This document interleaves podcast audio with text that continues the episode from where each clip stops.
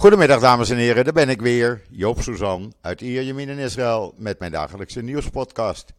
Het is zondag, de dag voor Purim trouwens, de eerste dag van de nieuwe werkweek in Israël. En het is heet, het is bloedheet. 30 graden, dat is het gevoel. Eh, we hebben een uh, sharaf, uh, oftewel een droge woestijnwind. Niet ongebruikelijk, wel lekker moet ik zeggen in de winter. Uh, betekent uh, t-shirten weer en je ziet mensen in korte broek. Uh, het is gewoon hoog zomer. Morgen ook nog en dan ietsjes minder. Maar ja, goed, we klagen niet. Laten we ervan genieten, zullen we maar zeggen. En dan gisteravond, ja, er waren weer dem demonstraties in het hele land. Volgens schattingen namen er zo'n 400.000 anarchisten of terroristen aan deel. Uh, in Natanja hadden ze het uh, hier bij mij totaal veranderd. Het was niet op het plein bij de Canyon. Ze hadden nu een stuk van de belangrijke doorgaande weg afgesloten. Waar ruim 19.000 mensen demonstreerden. Dat is meer dan een verdubbeling van verleden week. Uh, in Tel Aviv waren 160.000 mensen die aan de demonstraties deelnamen. Uh, en ondanks dat de politie maatregelen had genomen in opdracht van meneer Ben-Gvir om de Ayalon uh, niet te laten blokkeren, lukte dat toch niet geheel. En enkele honderden mensen die blokkeerden de Ayalon voor een uur. Uh, meneer Benkwier was daar niet blij mee. De man die zelf 53 keer gearresteerd uh, was uh, wegens anti-Palestijnse acties, noemde opnieuw alle demonstranten anarchisten. mevrouw Miri Regev, de minister van Transport, deed ook nog een duit in het zakje en noemde de demonstranten terroristen. Nou, ik draag uh, die titel dan met ere, want we vechten voor de goede zaak, zullen we maar zeggen. We hebben namelijk geen andere keus. Of het is dictatuur en einde democratie en vrijheid, of je blijft vechten. En dat is ook wat we doen. Ik zag gisteravond ook in, uh, hier bij mij in Ierjamin, uh, jong en oud, rijk en arm, uh, alles door elkaar, iedereen voor dezelfde goede zaak. En er is geen vechtpartij geweest, er is geen scheldpartij geweest. Iedereen uh, wist waarvoor die demonstreerde. Uh, iedereen had ook vlaggen, men had borden. nou ja, noem maar op. de sprekers werden toegejuicht, waren belangrijke sprekers. Jael German bijvoorbeeld vroegere burgemeester van uh, Herzliya. En ambassadeur in uh, Frankrijk, die aftrad toen Netanyahu premier werd. Omdat ze niet onder Netanyahu wilde dienen. Terwijl uh, ambassadeur in Parijs een van de meest gewilde ambassadeursposten is. Ook in Jeruzalem waren duizenden demonstranten, zo'n 20.000, die demonstreerde bij het privéhuis van premier Netanyahu. Eh, nadat het, eh, de echte demonstratie was beëindigd. In Haifa 35.000 mensen. Nou ja, noem maar op, er waren een kleine 100 plaatsen in Israël waar gedemonstreerd werd. En dat worden er elke week meer. Uh, men weet namelijk er is geen andere keuze dan te demonstreren. Uh, doe je dat niet, dan uh, zal Israël worden overgeleverd aan dictatuur. En dat is iets wat niemand wil. We willen onze vrijheid behouden, we willen onze democratie behouden. En we willen niet een aantal politici laten bepalen wat wel en niet kan en wat wel en niet uh, is toegestaan. Eh, want dat is namelijk wat er gebeurt als die gerechtelijke hervormingen doorgaan. En dat willen we niet. Dus vandaar dat we elke zaterdagavond uh, op de barricade gaan. Ja, ik word ook door uh, mensen die ik hoog acht in Nederland nu voor anarchist, linkse anarchist uitgemaakt. Nou, het zij zo, ik draag die titel uh, met ere, zal ik dan maar zeggen.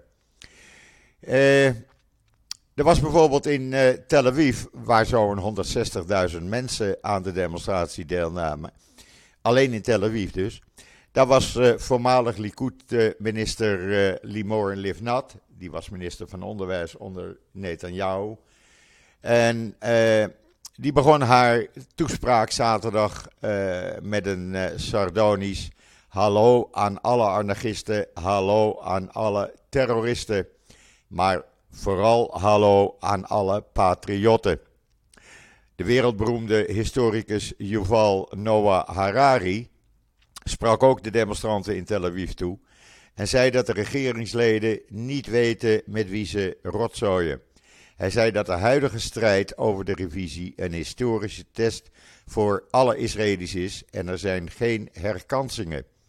Hij riep onderwijsinstellingen op om alle academische studies stop te zetten en alleen te praten over democratie, mensenrechten en vrijheid. Je kan uh, een gedeelte van zijn toespraak zien uh, in israelnieuws.nl.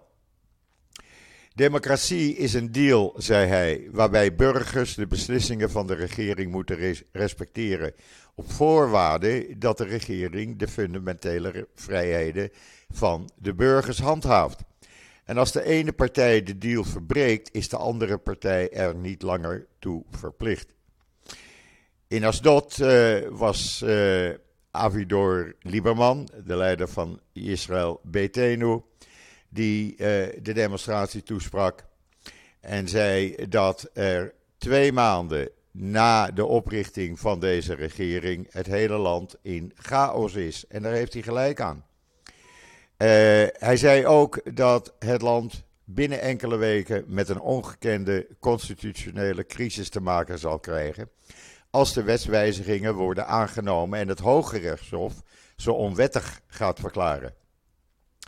In Modin demonstreerden enkele duizenden in de buurt van het huis van de minister van Justitie, uh, Yarif uh, Levin.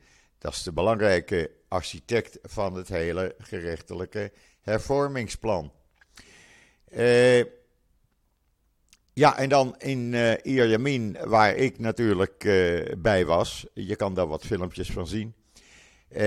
Ik moet zeggen, het was indrukwekkend om bijna 20.000 mensen de straat op te zien gaan en te demonstreren zonder een vechtpartij, zonder scheldpartijen, luisterend naar de toespraken en uh, de, de sprekers ook toejuichend.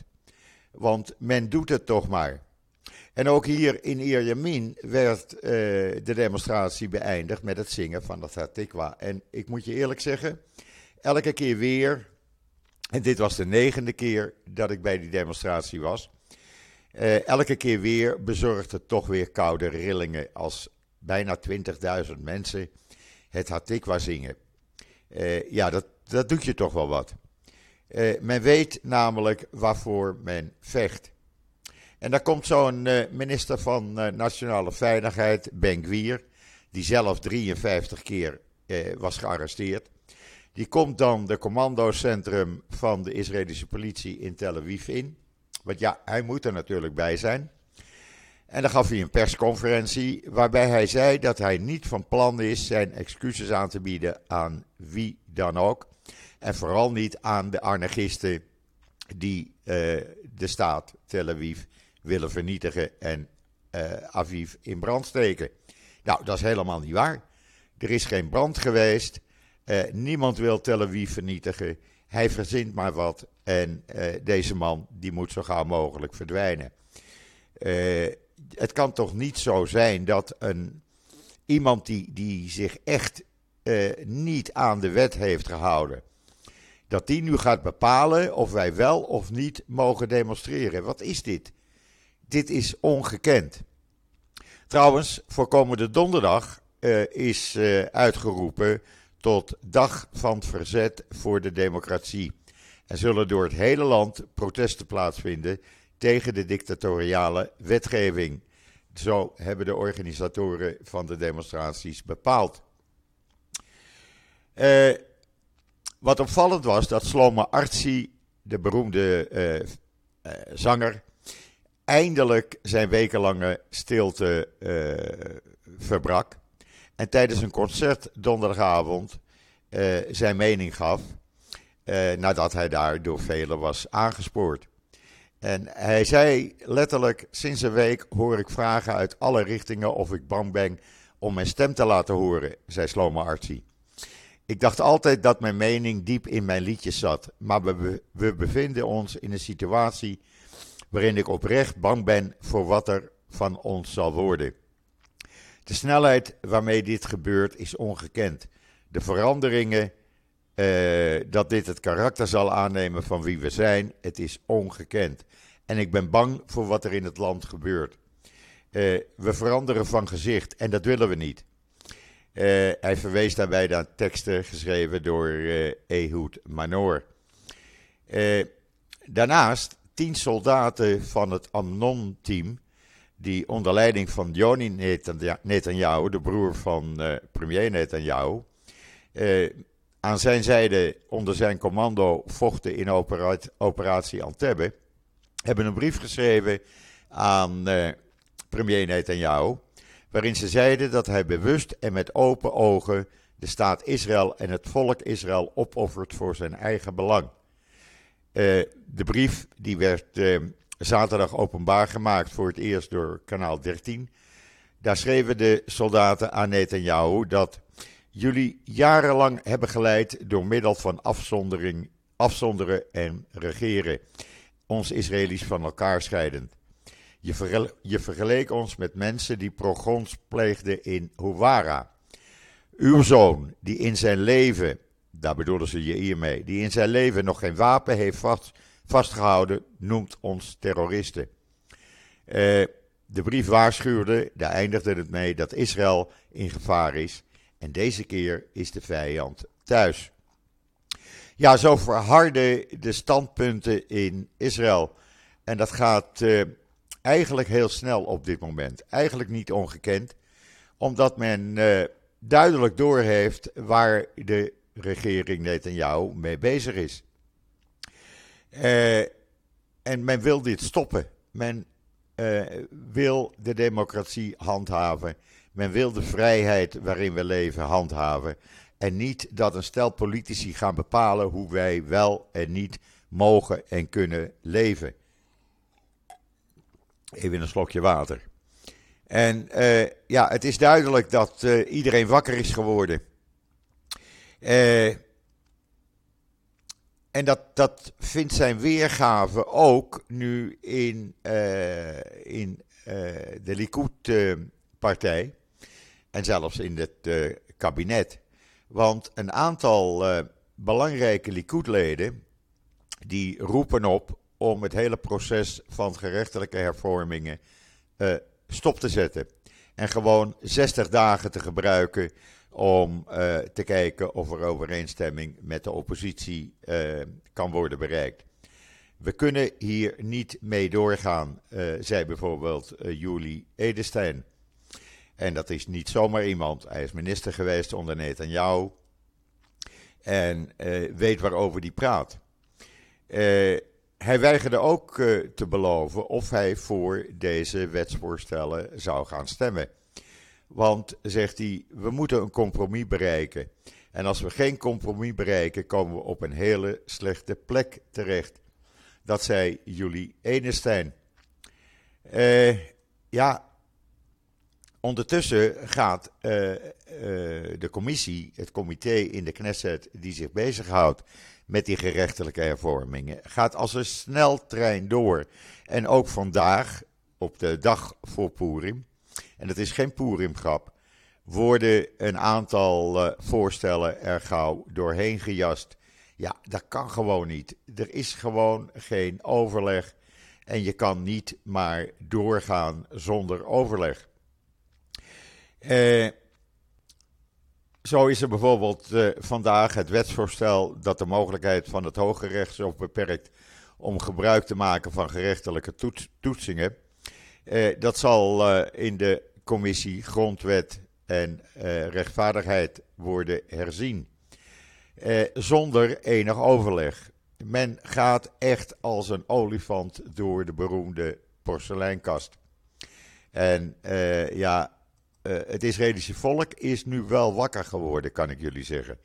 Men weet nu wat er op het spel staat. Men weet met wat men bezig is. En men pikt dat niet meer. En dan hadden we ook nog in het weekend meneer Smotrich.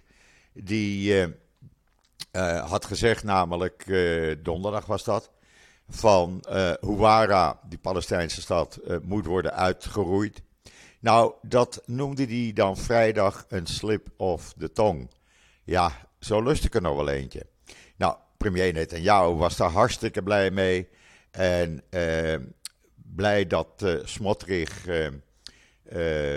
het uh, introk, wat hij gezegd had. Maar had, hij had, het ondertussen wel gezegd, namelijk. Hè. En het is zelfs nu zover dat Amerika overweegt het visum uh, voor Smotrich voor zijn bezoek binnenkort aan Amerika niet te verlenen.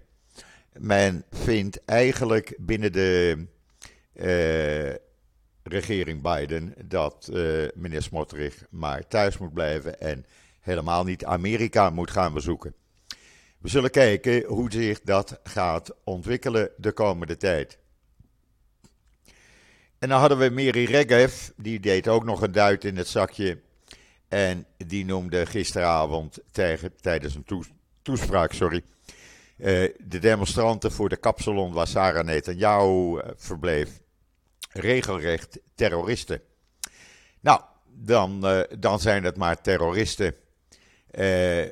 Miri Regev, ach, ik vergelijk haar wel eens met een uh, marktkoopvrouw.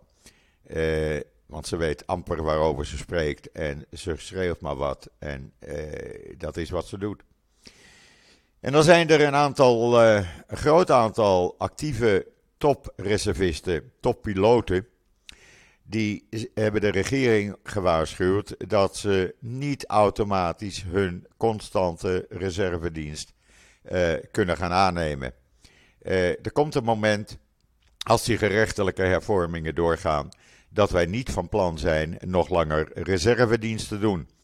Zij uh, vullen de lange lijst met reservisten aan die de regering al eerder had gewaarschuwd.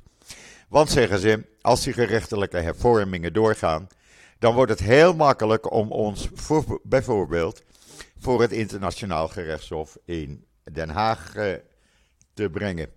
En wij willen dat risico niet lopen. Uh, want we weten dat we dan niet gesteund worden door de Israëlische regering. Het zijn 50 piloten geweest en niet de minste. Uh, hoge officieren, belangrijke reservepiloten. En uh, ja, dat kan wel eens de, de hele actie van de luchtmacht onder druk gaan zetten.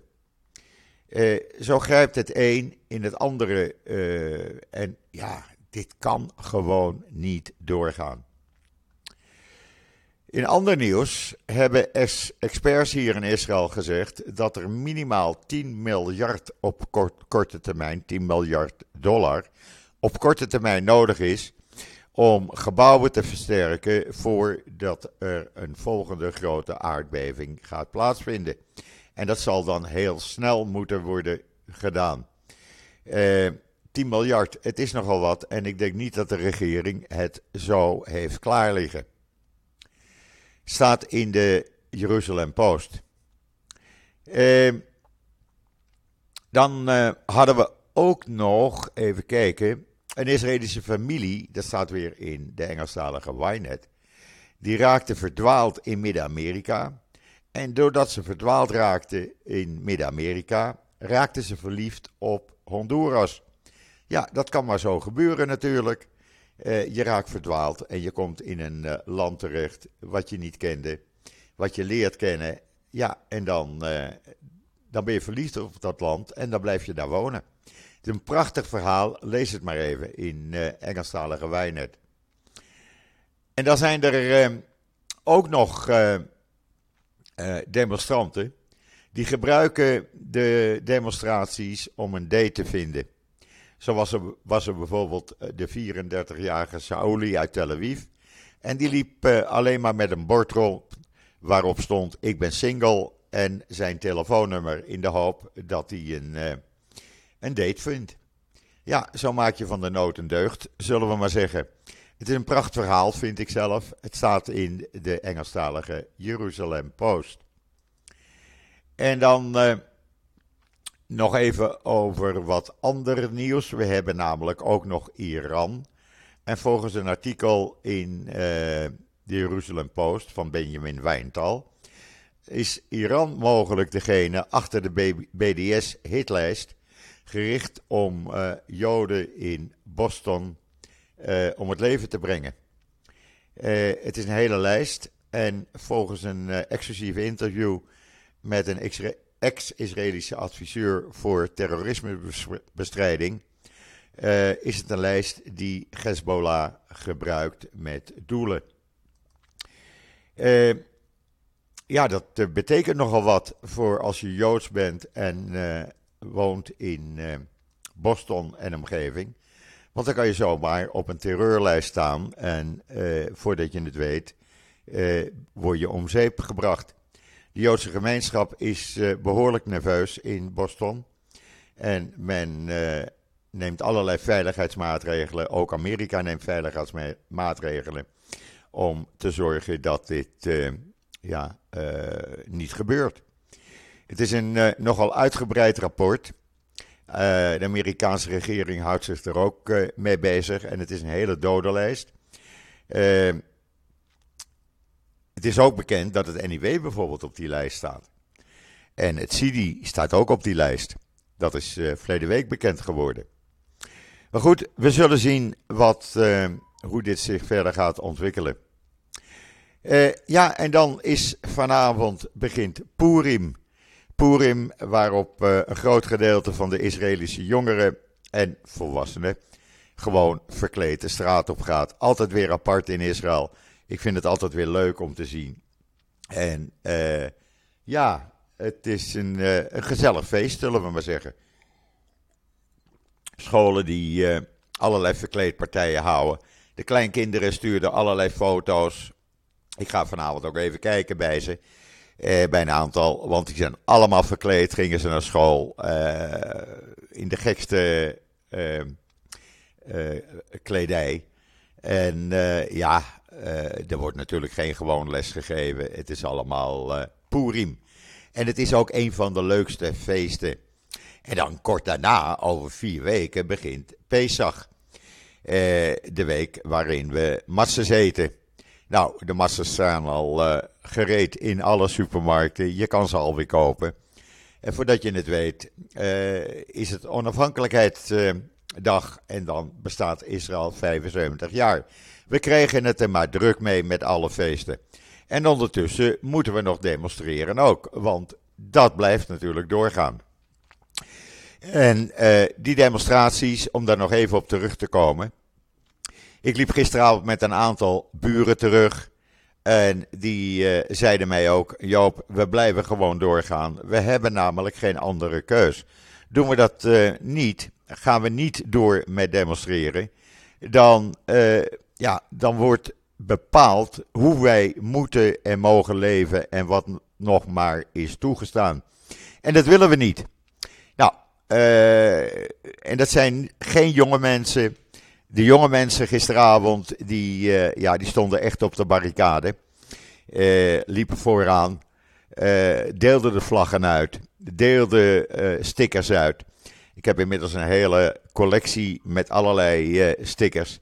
En ik moet zeggen, ja, het is toch wel speciaal. Als iedereen zich bereid toont om de zaterdagavond op te offeren en te gaan demonstreren. Het betekent dat men weet waarvoor men vecht. En we blijven dat ook doen, ondanks dat er uh, uh, allerlei mensen in Nederland vinden dat wij als demonstranten anarchisten zijn, linkse anarchisten nog wel.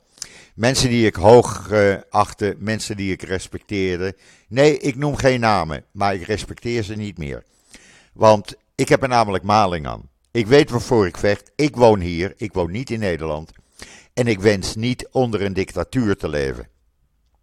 En uh, ja, daar gebruik ik het, uh, het recht om te demonstreren voor. En gelukkig ben ik niet de enige. En zijn we nu met 400.000 mensen geweest. En dat zullen volgende week waarschijnlijk een half miljoen demonstranten worden. Want we gaan door, we stoppen niet.